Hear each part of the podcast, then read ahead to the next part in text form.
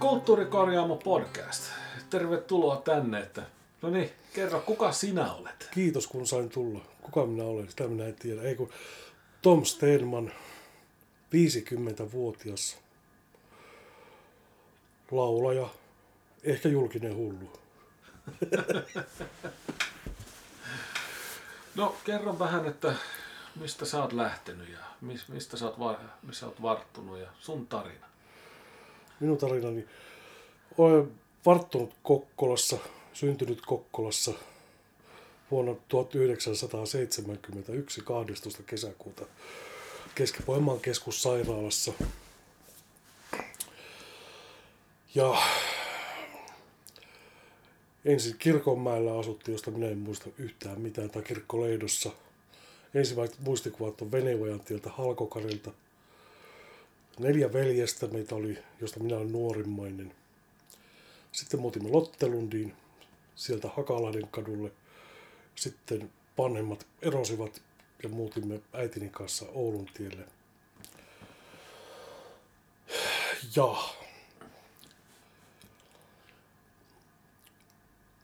perhe oli ruotsinkielinen, tai no siis kaksikielinen sanotaan. Isä ruotsinkielinen opetteli armeijassa vasta puhumaan suomea, kävi Kuopiossa armeijan. Eli tällaisesta alavetelistä lähtöisin olevasta suvusta, jossa tota,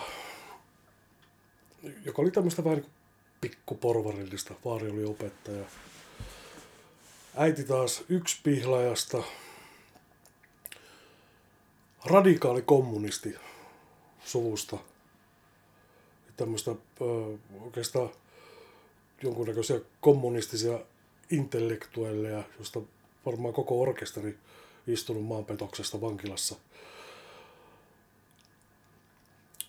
Ja tämä ehkä se on 70-luvulla, niin silloin se jollakin tavalla se löi semmoista varjoa, että sitä tunsi olevansa vähän niin kuin maailmoiden välistä. Näitä, että se oli aika, aika tämmöinen, tämmöinen mielenkiintoinen, että siinä oli semmoinen, semmoinen jonkunnäköinen kuilu, kuilu näiden yhteiskuntaluokkien välillä. Mitä, mä tiedän, tänä päivänä varmaan vähän vaikea uskoa. Koulu oli vaikea. Öö, diagnotisoimaton ADHD, sitä ei ollut vielä silloin olemassa. Kaikki oikeastaan meni hyvin siihen asti, että pääsi lastentarhaan. Sitten kun mentiin kouluun vielä, tai siis kun pääsin sinne lastentarhaan, niin siellä alkoi tulemaan jo niinku ongelmia. Et sitä oli vilkkaampi ja sitten jatkuvasti rettelöitä. Välillä sitten tapeltiin muun lapsen tar- lastentarha vastaan minä. Sitten Chydeniuksen ala-asteella, jossa se rettelö vasta alkoi. Ykkösluokan opettaja Elmer Ogren, rauha hänen sielulleen, vanha sotaveteraani. Ja me oltiin ensimmäinen, ensimmäinen luokka hänellä ja hän olisi pitänyt päästä jo eläkkeelle. Tämä yhtälö ei sitten oikein toiminut, vaan sitten tuli jatkuvaa kahnausta. Kahnaukset vaan paheni opettajat sanoivat, että ainut syy, minkä takia me katsotaan sinua täällä koulussa, on se, tai miksi me pää- päästetään sut luokalta, on se, että me ei jakseta enää katsoa sua yhtä vuotta enempää. Ja tietysti se, se varmasti sitten johti siihen, isot veljet raahas mulle sitten kavereiltaan levyjä, se, että tuli ACD siitä, Black Sabbath ja Led Zeppelin, ja sitä löytyi veri omasta hyllystä. Sex Pistols ja jotenkin tuollaiseen rasavili nuoreen, niin nämä iski kuin miljoona salamaa. Kymmenen vanhana sain rummut, jotka mun jo nyttemmin edesmennyt veljeni veljeni osti, hän hän möi tällaisen kalliin Gibsonin kitaran. Poljakustisen kitaran ja niillä rahoilla sitten osti toiselle veljelle niin harmaa kardonin stereot ja mulle rummut. Oli tämmöiset läpinäkyvät Star-merkkiset rummut. Ja, ja niillä sitten alettiin tekemään meteliä ja tämä musiikin innostus oli suorastaan fanaattista. Mm, Mä Ralph Finnen kanssa kellarissa ensimmäinen bändi, Catastrophe. Mä en tiedä, me oltiin ehkä kymmenen vanhoja. Ja, mm, tehtiin englanniksi tekstejä, jossa oli suurin piirtein kaikki kirosanat, mitä me osattiin. Ja, ja ei me osattu mitään soittaa, mutta tota, pidettiin meteliä ja me oltiin kauheasti bändi.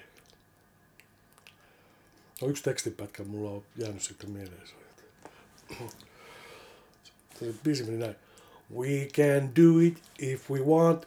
We can do what we want. We can do it if we want. If you give to us one chance. Siinä on niinku jo sanomaa tässä. Joo. Me voidaan tehdä mitä me halutaan, jos te annatte meille mahdollisuuden. Mm. Näet. Ja tota, öö, no,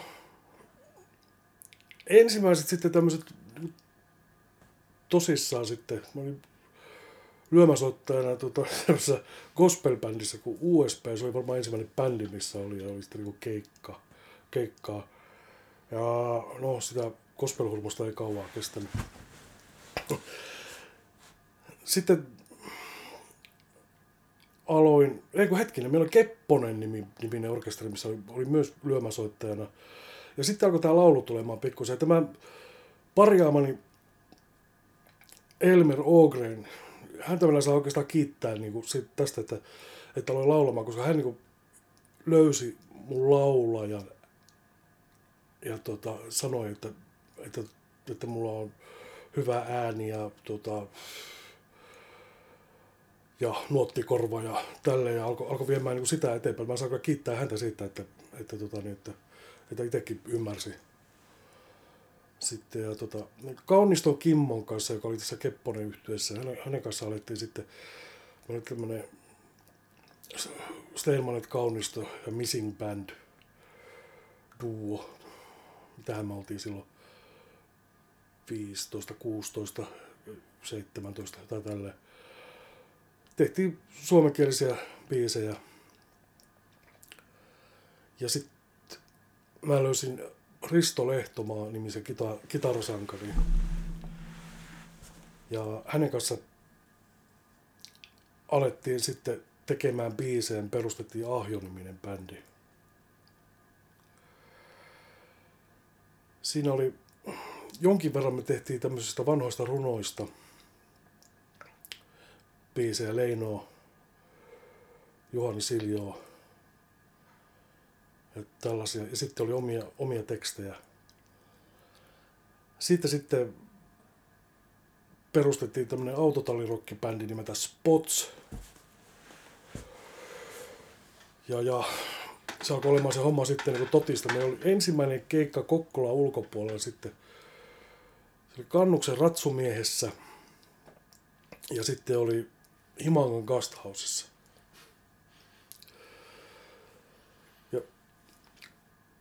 Kannuksen ratsumiehen, kun me tultiin soittamaan, mitä ensin meitä katsottiin niin kuin, vähän niin kuin kieroon, että mikä tämä nyt on, tämä juttu. Sitten me pistettiin kamat kasaan ja alettiin sitten soittamaan. Se oli semmoinen pitkä se sali. Ja sitten siellä toisessa päässä talo oli sitten baaritiski, siellä istui sitten ihmisiä ja ne katteli sieltä kaukaa, että jaha, tuolla noin joku alkaa nyt niinku soittamaan, mitä tämä on. Yhtäkkiä joku nousee sieltä ylös ja kävelee kohti sitä salia ja pistää semmoisen sermin kiinni. Ja me soitettiin sitten siellä sermin takana yksin tämän jälkeen. ja tota, sitten siellä Himangan Gasthaussa taas, niin me ei mennyt päästä soittaa, kun joku isäntä tota, uhkas meitä väkivallalla. Ja tämä paikan omistaja sitten taas oli niin pahalla päällä tästä meidän hommasta, että hän niinku luikki karkuun siitä tilanteesta. Ja sitä selvitettiin, sitten saatiin meni liksat sitten osittain, mutta selvisi, että tämä joku Lehtomaariston kontakti joka oli myynyt meidät sinne, niin hän oli myynyt 60-luvun tanssittavaa musiikkia. Tämä ei, ei, ei, sitten mennyt putkeen, mutta tota, tästä sitten taas tämä homma kehittyi eteenpäin ja sitten perustettiin bändi nimeltä The Refreshments. Ja ensimmäinen single, Spring, sitä tuli aivan valtava radiohitti. Lehde kirjoitteli ja tota, hämilläni oli, että toimittajat oli vaikka mitään mieltä, että minkälainen bändi me ollaan. Ja, ja tota, mulla ei ollut hajuakaan sitä, että mikä bändi me ollaan. Ei meillä ollut edes biisejä.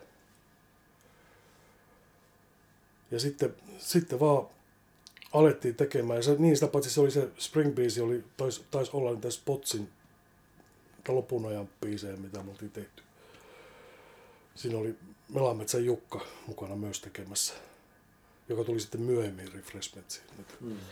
Ja le, se on niin Stelman Lehtomaa ja sitten Melametsä täällä.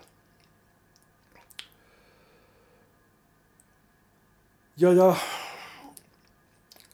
tätä refreshmentsia homma sitten vaan niin paisui ja paisui ja muutenkin 90-luvulla tämä Kokkolan meininki alkoi olemaan aika vildiä. Täällä oli hirveästi bändejä. Lehdet alkoi puhumaan, että tämä on Suomen Seattle. Me kierrettiin ympäri, ympäri Suomea keikoilla. Päästiin tuolle tämmöisen miettisen levyyhtiölle kuin Gaga Goodies. Ja sitä kautta tuo meidän ensimmäinen tai meidän aino, ainokainen levy Fresh. Sitten ilmestyi. Päästiin, päästiin provinssirokkiin, päästiin ruisrokkiin, Ilosaareen ja sitten kaikki nämä parhaat klubit. Ja varmaan se no, provinssirokki oli ehkä, ehkä se oli se oli en, ennen kuin meiltä oli se levy tullut, niin siellä oli tämä, se jäi mieleen ikuisesti. Meillä oli yleisössä oli tämmöinen, tämmöisen orkesteri kuin Bad Religionin jäsenet. Sitten, ja pääsi sitten, he, he tykkäsivät meidän keikasta ja mä pääsin heidän backstageille ja, ja, ja pyysivät lähettämään nauhaa. Sitten ei koskaan mitään yhteistyötä tullut, mutta tota, mm. Mutta tämmöiset niin lämmitti mieltä. Bändi sitten hajosi semmoisiin hirvittäviin riitoihin. Mm. Se varmasti, no, ehkä siinä nuoruuden huumassa varmaan vähän kusikin nousi päähän. Ja, ja sitten siellä rupesi tulemaan kaikenlaista pientä, pientä kitkaa. Ja se asia niin räjähti käsiin ja sitä ei varmastikaan helpottanut yhtään se, että mulla oli hirvittävä päihdeongelma vielä silloin.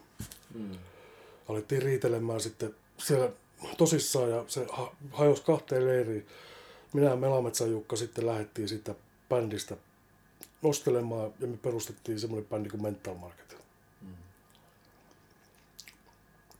Päästiin sitten taas miettisen levyyhtiölle ja tehtiin, tehtiin sitten levy Spook. Ja taas sama meininki, meininki jatkuu jatku sitten sinne johonkin vuoteen 2000, mitähän se on ollut, kymmenen, ei, ei mä en muista vuosia, mm. jonnekin vaan. Mm. 2007 kanssa ollut. Joo. Ei ollut, ei, ei ollut se aikaisemmin. 2003. Neljä, viisi, kuusi. Joo. ei muista, ei voi muistaa. No te kiersitte paljon tällä Mental Marketilla sitten. Ja... Joo, joo täällä ja... kierrettiin paljon Suomen nimeä. Meillä oli Dex Viide taas myydä meitä johonkin aikaa. Mm. Ja se oli huvittavaa silloin, että se oli se levyyhtiöt olisi halunnut tota, tämmöisiä öö, kauniita teinipoikia, jotka tekee semmoista kaunista, helkkyvää poppia. Ikärasismi oli tuota, musiikkipisteksessä aivan valtava ja se mua huvitti niin kuin aivan suuresti. me oltiin kolmekymppisiä silloin ja tota, niin meitä sanottiin, että me ollaan jotenkin niin kuin vanhoja. Mm. Mutta ei se, ei se niin mua jaksanut huolettaa, koska niin musiikissa se trendit kun tulee ja menee. Tänä päivänä sanotaan yhtä ja huomenna niin sanotaan niin toista. Että se niin kuin, sitä kuitenkin tekee tätä sen takia, että tämä on kutsumus. Mm. Ja ihan sama mikä se trendi on, niin sitä tekee sitä omaa juttua kuitenkin. Juuri näin. Se on pakko miele. Mm. Mutta sä olit vahvassa roolissa niinku biisin niinku lyrikan tekijänä. Joo, ja se on mennyt sitten tällä tavalla ö, ö, omista rajoitteista johtuen en ole koskaan oppinut soittamaan niin pianoa tai kitaraa tai tämmöistä. Lyömäsoittimien kautta mä opin ymmärtämään rytmiä mun melodiataju on sitten aina ollut kuitenkin hyvä ja varmaan se kehittyi koulussa. Mä tykkäsin laulaa, laulaa virsiä, näitä vanhoja virsiä ja se, se niin kuin jotenkin jäi Mm. tuonne ja, ja aina mulla on soinut melodiat päässä. Ja se, mä en tiedä mistä, mistä se sitten tuli se semmoinen pakkomieli lyrikkaa ja tekstien tekemiseen. Ja aina sitten se on mennyt silleen, että mä oon käyttänyt sitten aina niin kuin soittajia instrumentteina. Burroughs on tämä asia, asian luonnehtinut luovasta prosessista. Että jos kaksi ihmistä on luomassa jotakin, niin silloin siinä on aina kolmas mukana. Ja se pitää kyllä niin paikkaansa, että siihen tulee aina semmoinen uusi elementti ja tota, se antaa semmoisen tilan tämmöiselle yllätykselle. Ja muutenkin luottanut aina, aina intuitioon. Monesti lähty silleen, että ihan niin kuin tyhjältä pöydältä tekemään. Ei meillä ei ollut mitään ideaa. Sitten kaveri alkaa jotakin riffiä siinä ja sitten yrittää tarttua ja sitten, että ei kun hetkinen, mennäänkin tänne ja sitten se lähtee niin rakentumaan. Yleensä sitä aina jää jotakin käteen. Ja sitten joskus on ollut silleen, että joku biisi, että jos ei se ollut, että jos se sitten on toimivaa, niin siitä on ehkä joku osa otettu ja lainattu taas sitten johonkin seuraavaan juttuun. Hmm. Muuten, muutenkin semmoinen luova prosessi, se on ikään kuin tämmöinen henkinen matka. Sillä oppii avaamaan näitä sisäisiä rajoja, oppii hylkäämään asioita. Monesti se asia, mikä on ollut se kaikkein suurin ja tärkein ja hienoin juttu, niin onkin yhtäkkiä se semmoinen, mikä, on, niinku, mikä niin hylätään vaan sen niin kokonaisuuden takia. Hmm.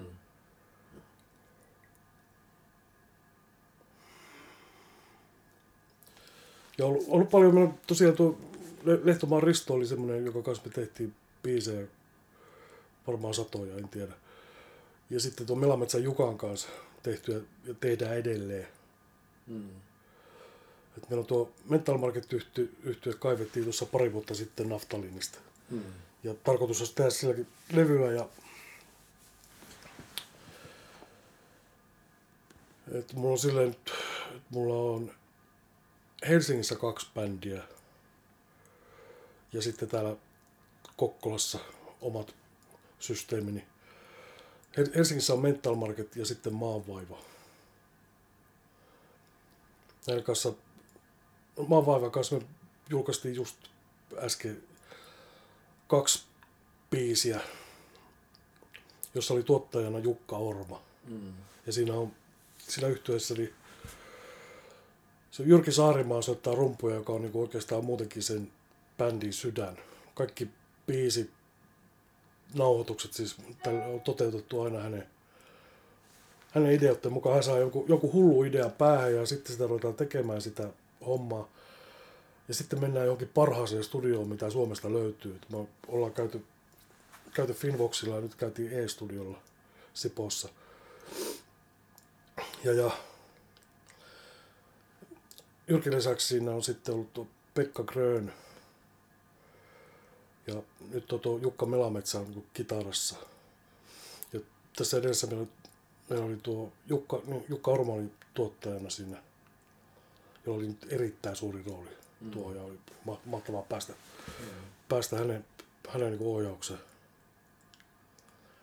aikaisemmin siinä on ollut tuo Sieluvelistä tuttu Jouko Hohko muun muassa. Mm.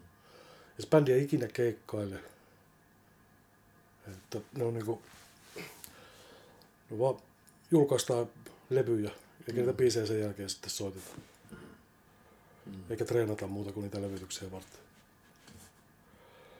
Ja sitten tuo Mental Market kanssa Helsingissä ja, ja, ja olisi tarkoitus jossakin vaiheessa tehdä sillä levy. Siinä on Jukka Melametsä ja sitten on Pekka Hackspeak rummussa, joka oli myös tuossa Spooky-levyllä. Ja sitten tuo Miki Leivo, myös Kokkolasta lähtösi, soittaa passoa. Soittanut muun muassa Peitsamon bändissä. Ja, ja. Sitten täällä Kokkolan päässä tällä hetkellä tehdään tämmöisen, mulla on kuin Tom Stenmanit Kinnerpuu-orkesteri. Ja nyt olisi tarkoitus tehdä levy. Se on akustinen bändi ja on, se on oikeastaan, voisi sanoa, että hengen perillinen tuosta vanhasta Ahjo-orkesterista. Me ollaan tehty tämmöistä yli 70 vuotta sitten kuolleiden runoilijoiden teksteistä biisejä. Ja siinä on nyt ollut erittäin kova tohina päällä.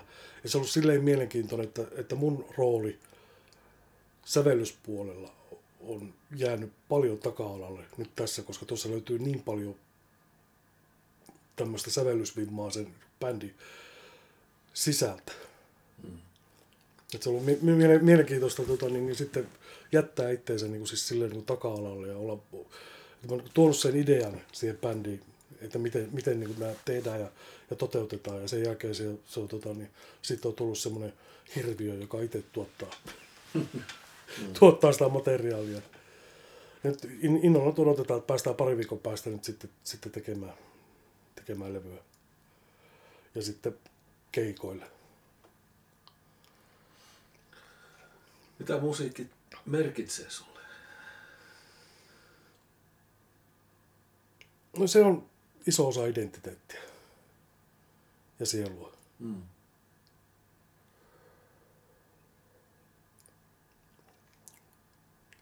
Öö, joo, niin, niin kuin mä aikaisemmin sanoin, niin, niin se, se, on ollut, se on merkinnyt tämmöistä henkistä matkaa ja sisäistä kasvua mm. ennen kaikkea. Et se luova prosessi kautta mä oon varmasti ymmärtänyt, oivaltanut kaikki niin kuin hölmöimmät asiat tota, tässä elämässä. Hmm.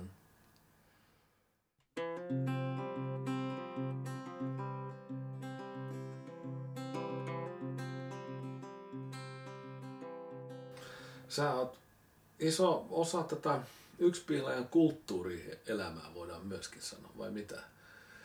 Et... Juu, se on tota, tietysti johtuu siitä, että mun mummola oli Sahakatu seitsemässä, joka on nyt talo siirretty ja kaikki, kaikki talot siirretty sieltä pois, joka on taas niin tämä kahvila sahan, sahan niin vastapäätä. Mm. Ja sitten tuon, tietysti Outi Airo on tuntenut varmaan koko ikäni. Ja silloin kun mummolla oli siinä, mä siellä päivittäin varmaan kävin ja sitten kun tuo Airolat sen talon osti, niin tuli sielläkin rampattua sitten aika paljon. Tuomas Airola oli mun hyvä ystävä myös. Ja soitti muun muassa tuo Refreshmentsin Fresh-levyllä. Tai oli siis, on mun hyvä ystävä edelleen. Mm. Mm, Näin, ja, ja, ja tota, sitten me Outin kanssa perustettiin 90-luvulla. Meillä oli tämmöinen kuin Kaarti huutavat luut. Silloin oli Neuvostoliitto oli jo hajonnut ja sitten että tämmöisiä mm, henkisesti konkurssiin menneitä vanhoja kommunisteja sitten, jotka haki uutta identiteettiä, niin lyötiin sitten aika hyvää saumaa, kun tota, laulettiin sitten näitä vanhoja ta- taistelaislauluja. Siinä oli, siinä oli a- minä ja Airola Outi ja sitten oli Ritva Grönberg, joka näytteli kaupunginteatterissa. Ja sitten Veikko Pohjonen. Veikko soitti, soitti siinä niin pianoa. Ja meillä oli aivan valtavasti keikkaa. Mm, Mieleenpainumpi oli varmasti vappu, milloin meillä oli, mä en muista, olikohan meillä neljä keikkaa silloin. Ja Outi oli, oli silloin viimeisillään raskaana, odotti arppaa. Ja Outi oli päättänyt sitten, se oli laskettu aika oli, oli silloin, ja oli päättänyt, että hän ei lähde synnyttämään ennen kuin keikat on soitettu. Mm. Y- yksi näistä keikoista sitten, niin, niin se oli tuossa työväentalolla, se oli joku SDP-tilaisuus, jossa oli Erkki Tuomioja oli puhumassa. Ja mä lauloin sitten siinä sellaisen biisin kuin Aljendelle ja Erkki Tuomioja Polskat itkuu.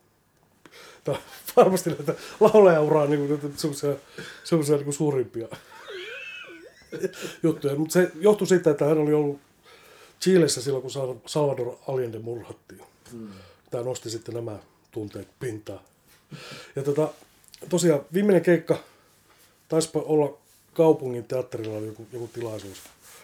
Oltiin jakso viimeiseen asti sitten, ja heti kun keikka oli ohi, niin hän lähti synnyttämään arppaa. Ja synnytys oli vissiin aika vaikea Mm-hmm. vielä kaiken lisäksi. Mm. Mutta siitä kyllä kaikki pisteet Outille. Ja sitten öö, myöhemmin mm, päädyin sitten Outille töihin tuonne asukasyhdistykselle työttömien ohjaajaksi. Siellä mä, mä en muista, olikohan mä siellä pari vuotta tai tämmöistä, mutta silloin, silloin lähti käyntiin tämä yksi piilää kulttuuriviikko. Ja että mä oon ollut siinäkin mukana niin kuin käynnistämässä niitä, niitä festareita. Ja sitten mä oon myös asunut siinä Outililla vuokralla siinä pihapiirissä. Mm. Et silleen niin kuin automaattisesti sitten niin kuin o- o- ollut siellä sisällä. Joskus jo, jopa joku tullut mua haukkumaan jostakin, että kun ollut sitä mieltä, että jotakin juttua, mitä hän olisi halunnut sahaa, niin sitä ei ole tullut. Mä oon tullut selittämään, että mulla ei ole mitään tekemistä tämän asian kanssa. Mä en voi vaikuttaa tähän millään lailla. Tämä on Outin juttu. Mm. en ollut hänellä töissä moneen vuoteen. Mm. Joo. Pidätkö itses tota, niin, yksipihlalaisena vai? Öö, kyllä, juu, se on yksi identiteetti. Mutta että ei mulla ole mitään sellaista paikkaa, missä mä en voisi asua oikeastaan. Mm. Tällä, mä asun keskustassa nyt. Että kauan kun viihtyy itsensä kanssa, sitä voi olla niin kuin missä vaan. Et varsinkin kun junat liikkuu nopeasti. Mm. Että varmasti se semmoinen mielekäs tekeminen. Tällä hetkellä mulla ei ole mitään hinkua lähteä Kokkolasta sen takia, että mulla on täällä hirveästi hommaa. Ja Helsinki pääsee tänne täältä nopeasti. Ja siellä mä en halua asua. Joo. Sullahan on hyvin sana hallussa ja et ole miettinyt mitään kirjailijauraa tai niin kuin, tekemään mitään, julkaisemaan mitään kirjaa tai sellaista. On ollut mielessä joo. Ja miettinyt, en- ensin pitäisi tietysti aloittaa runo. Runokirja on semmoinen, mikä, minkä mä haluaisin kirjoittaa. Ja, ja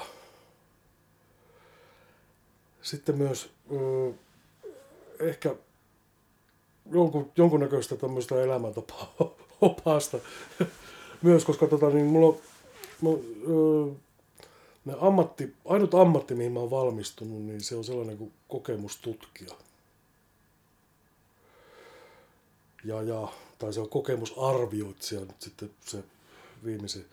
Ja mä oon Suomessa ensimmäinen, joka on tehnyt tällaista palkoilla Päijät-Hämeen sosiaalipsykiatrisella säätiöllä. Ja mulla meni sillä, sillä tavalla vähän, että kun mä oon tullut tonne psy- niin tonne am, ö, ty- työntekijäosastolle vähän niin kuin katon kautta sisälle. Että mulla on niin alkanut se silleen, että mä oon päässyt tekemään töitä ö,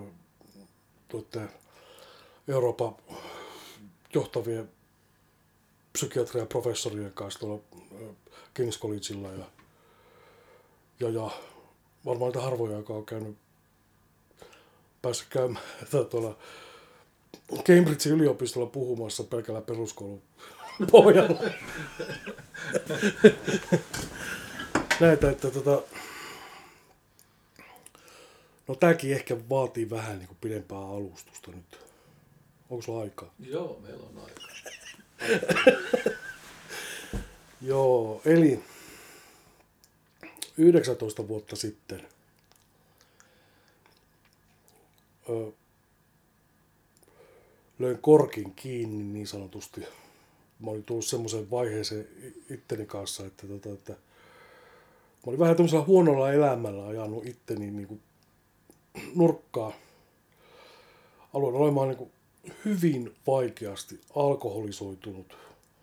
Ja se, sen mukaan niin tuli kaiken maailman muuta päihdettä ja, ja sitten tietysti kylkiäisillä mielenterveysongelmia, muun muassa semmoisia paniikkiahdistuskohtauksia, jotka niin invalidisoi täysin, että mä en voinut liikkua neljä seinän sisältä niin yhtään mihinkään. Näitä ja tota, aloin sitten etsimään niin tietä, tietä niin siitä, siitä niin ulos, tekemään itsekseni meditaatioharjoituksia. Ja sitten hakemaan niin apua joka paikasta. Vertaistukea ja terapiaa, ihan mitä vaan, että pääsisi. Ja hirvittävän tappelun ja usean ihmisen avustuksella pääsin sitten sellaiseen, mä asuin silloin Tampereella vielä, tota niin, se, semmoiseen tota niin, niin, tilanteeseen, että sain, sain niin se korkin kiinni ja ja tota, pääs, pääsin menemään niin päivä kerrallaan eteenpäin, eteenpäin elämässä ja, ja pistää itteeni niin kondikseen sille, että mä pääsin pik, sitten hiljalleen irti kaikista lääkkeistä. Se on pitkä prosessi. Ja laitettua semmoiseen kondikseen itteni, että, tota, että ei, ei niin kuin ole enää, en pelkää enää mitään, en saa mitään panikkikohtauksia. En, en saatan joskus ahdistua jostakin, niin, kuin, että niin sanotusti suomeksi kun vituttaa joku asia. Ja tälleen. Mutta tota, että ei, ei, niin kuin, ei, ei, ole, ei ole mitään semmoista, semmoista tota, niin, että tarvitsisi, kun, tarvitsisi mikään eläkkeelle alkaa lähteä. Että on, niin kuin, on kondiksessa pää. Ja, ja täällä järjestettiin Kokkolassa sitten sellainen kokemustutkija koulu, jota veti Markku Salo niminen kaveri, joka tunnetaan muun muassa Jatspastorina. On pyörittänyt tota Yle ykkösellä Jats-ohjelmaa. Hän oli silloin Mielenterveyden keskusliiton tutkimuspäällikkönä. T- tässä koulutuksessa oli Kokkolan kaupunki mukana. Sitten siinä oli tuo THL, Mielenterveyden keskusliitto. Ja sitten se liittyi tämmöiseen Ithaka-projektiin, jossa oli, muistan varmaan väärin, olisiko ollut 15 Euroopan maata mukana. Se oli sellainen tutkimusprojekti, missä kehitettiin työkalua, jolla arvioidaan noiden osast, psykiatristen osasto, la, osastojen ja tota, päihdepuolen laitosten ja sitten tuollaisten asumisyksiköiden ihmisoikeuksien toteutumista ja muutenkin sitä palvelu- ja fasiliteettien tasoa. Ja, ja si- siinä sitten se, sen projektin myötä sitten pääsin muun muassa Budapestiin koulutukseen ihmisoikeustarkkailija koulutukseen tai tarkastajakoulutukseen, niin kuin psykpuolen. Meitä oli kolme Kokkolasta, joka pääsi siihen. Ja tehtiin sitten tämmöistä pilottia täällä ja käytiin, käytiin tekemässä tutkimushaastatteluja. Ja sitten oltiin, oltiin tuolla King's Collegeilla, josta sitä johdettiin, tätä professori Graham Tornikoft oli tuo tämä niin johtaja. Ja se, siellä pääsi kyllä niin kuin, näiden yli ympäri Eurooppaa tulleiden psykiatreja ja muiden ja ihmisoikeusammattilaisten näiden kanssa tekemään niin rintarinnan töitä ihan niin kuin sama, niin kuin samalla tasolla. Tälle. Ja sit, silloin tosiaan käytiin, käytiin myös puhumassa tästä tuolla Cambridgeissa. Ja sitten kiersin monta vuotta Suomessa kanssa kaiken maailman tilaisuuksissa. Sitten pääsin tuonne Päijät-Hämeen sosiaalipsykiatriselle säätiölle, mikä sanahirviö se onkin, niin tota, sinne kun Markku Salo oli siellä, siellä tota, pomona niin vuodeksi töihin tekemään tätä.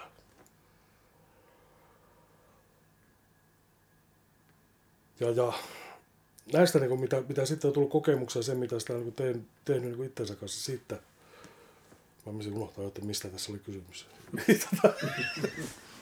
pää, pää, pääsin, niin ajattelin sitten, että, että voisi, voisi jossakin vaiheessa niin pistää niin asioita paperille. Mm. Ja tehdä jonkunnäköistä tämmöistä selvi, selviytymisopasta, mutta se näkee sitten. Että, mm. Tai ehkä ruveta tekemään jotakin, jotakin nettivideota. Mm. Joo, mahtava tarina.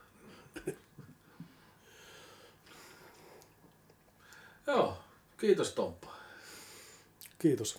Kiitos teille. Kiitos, jos jaksoitte.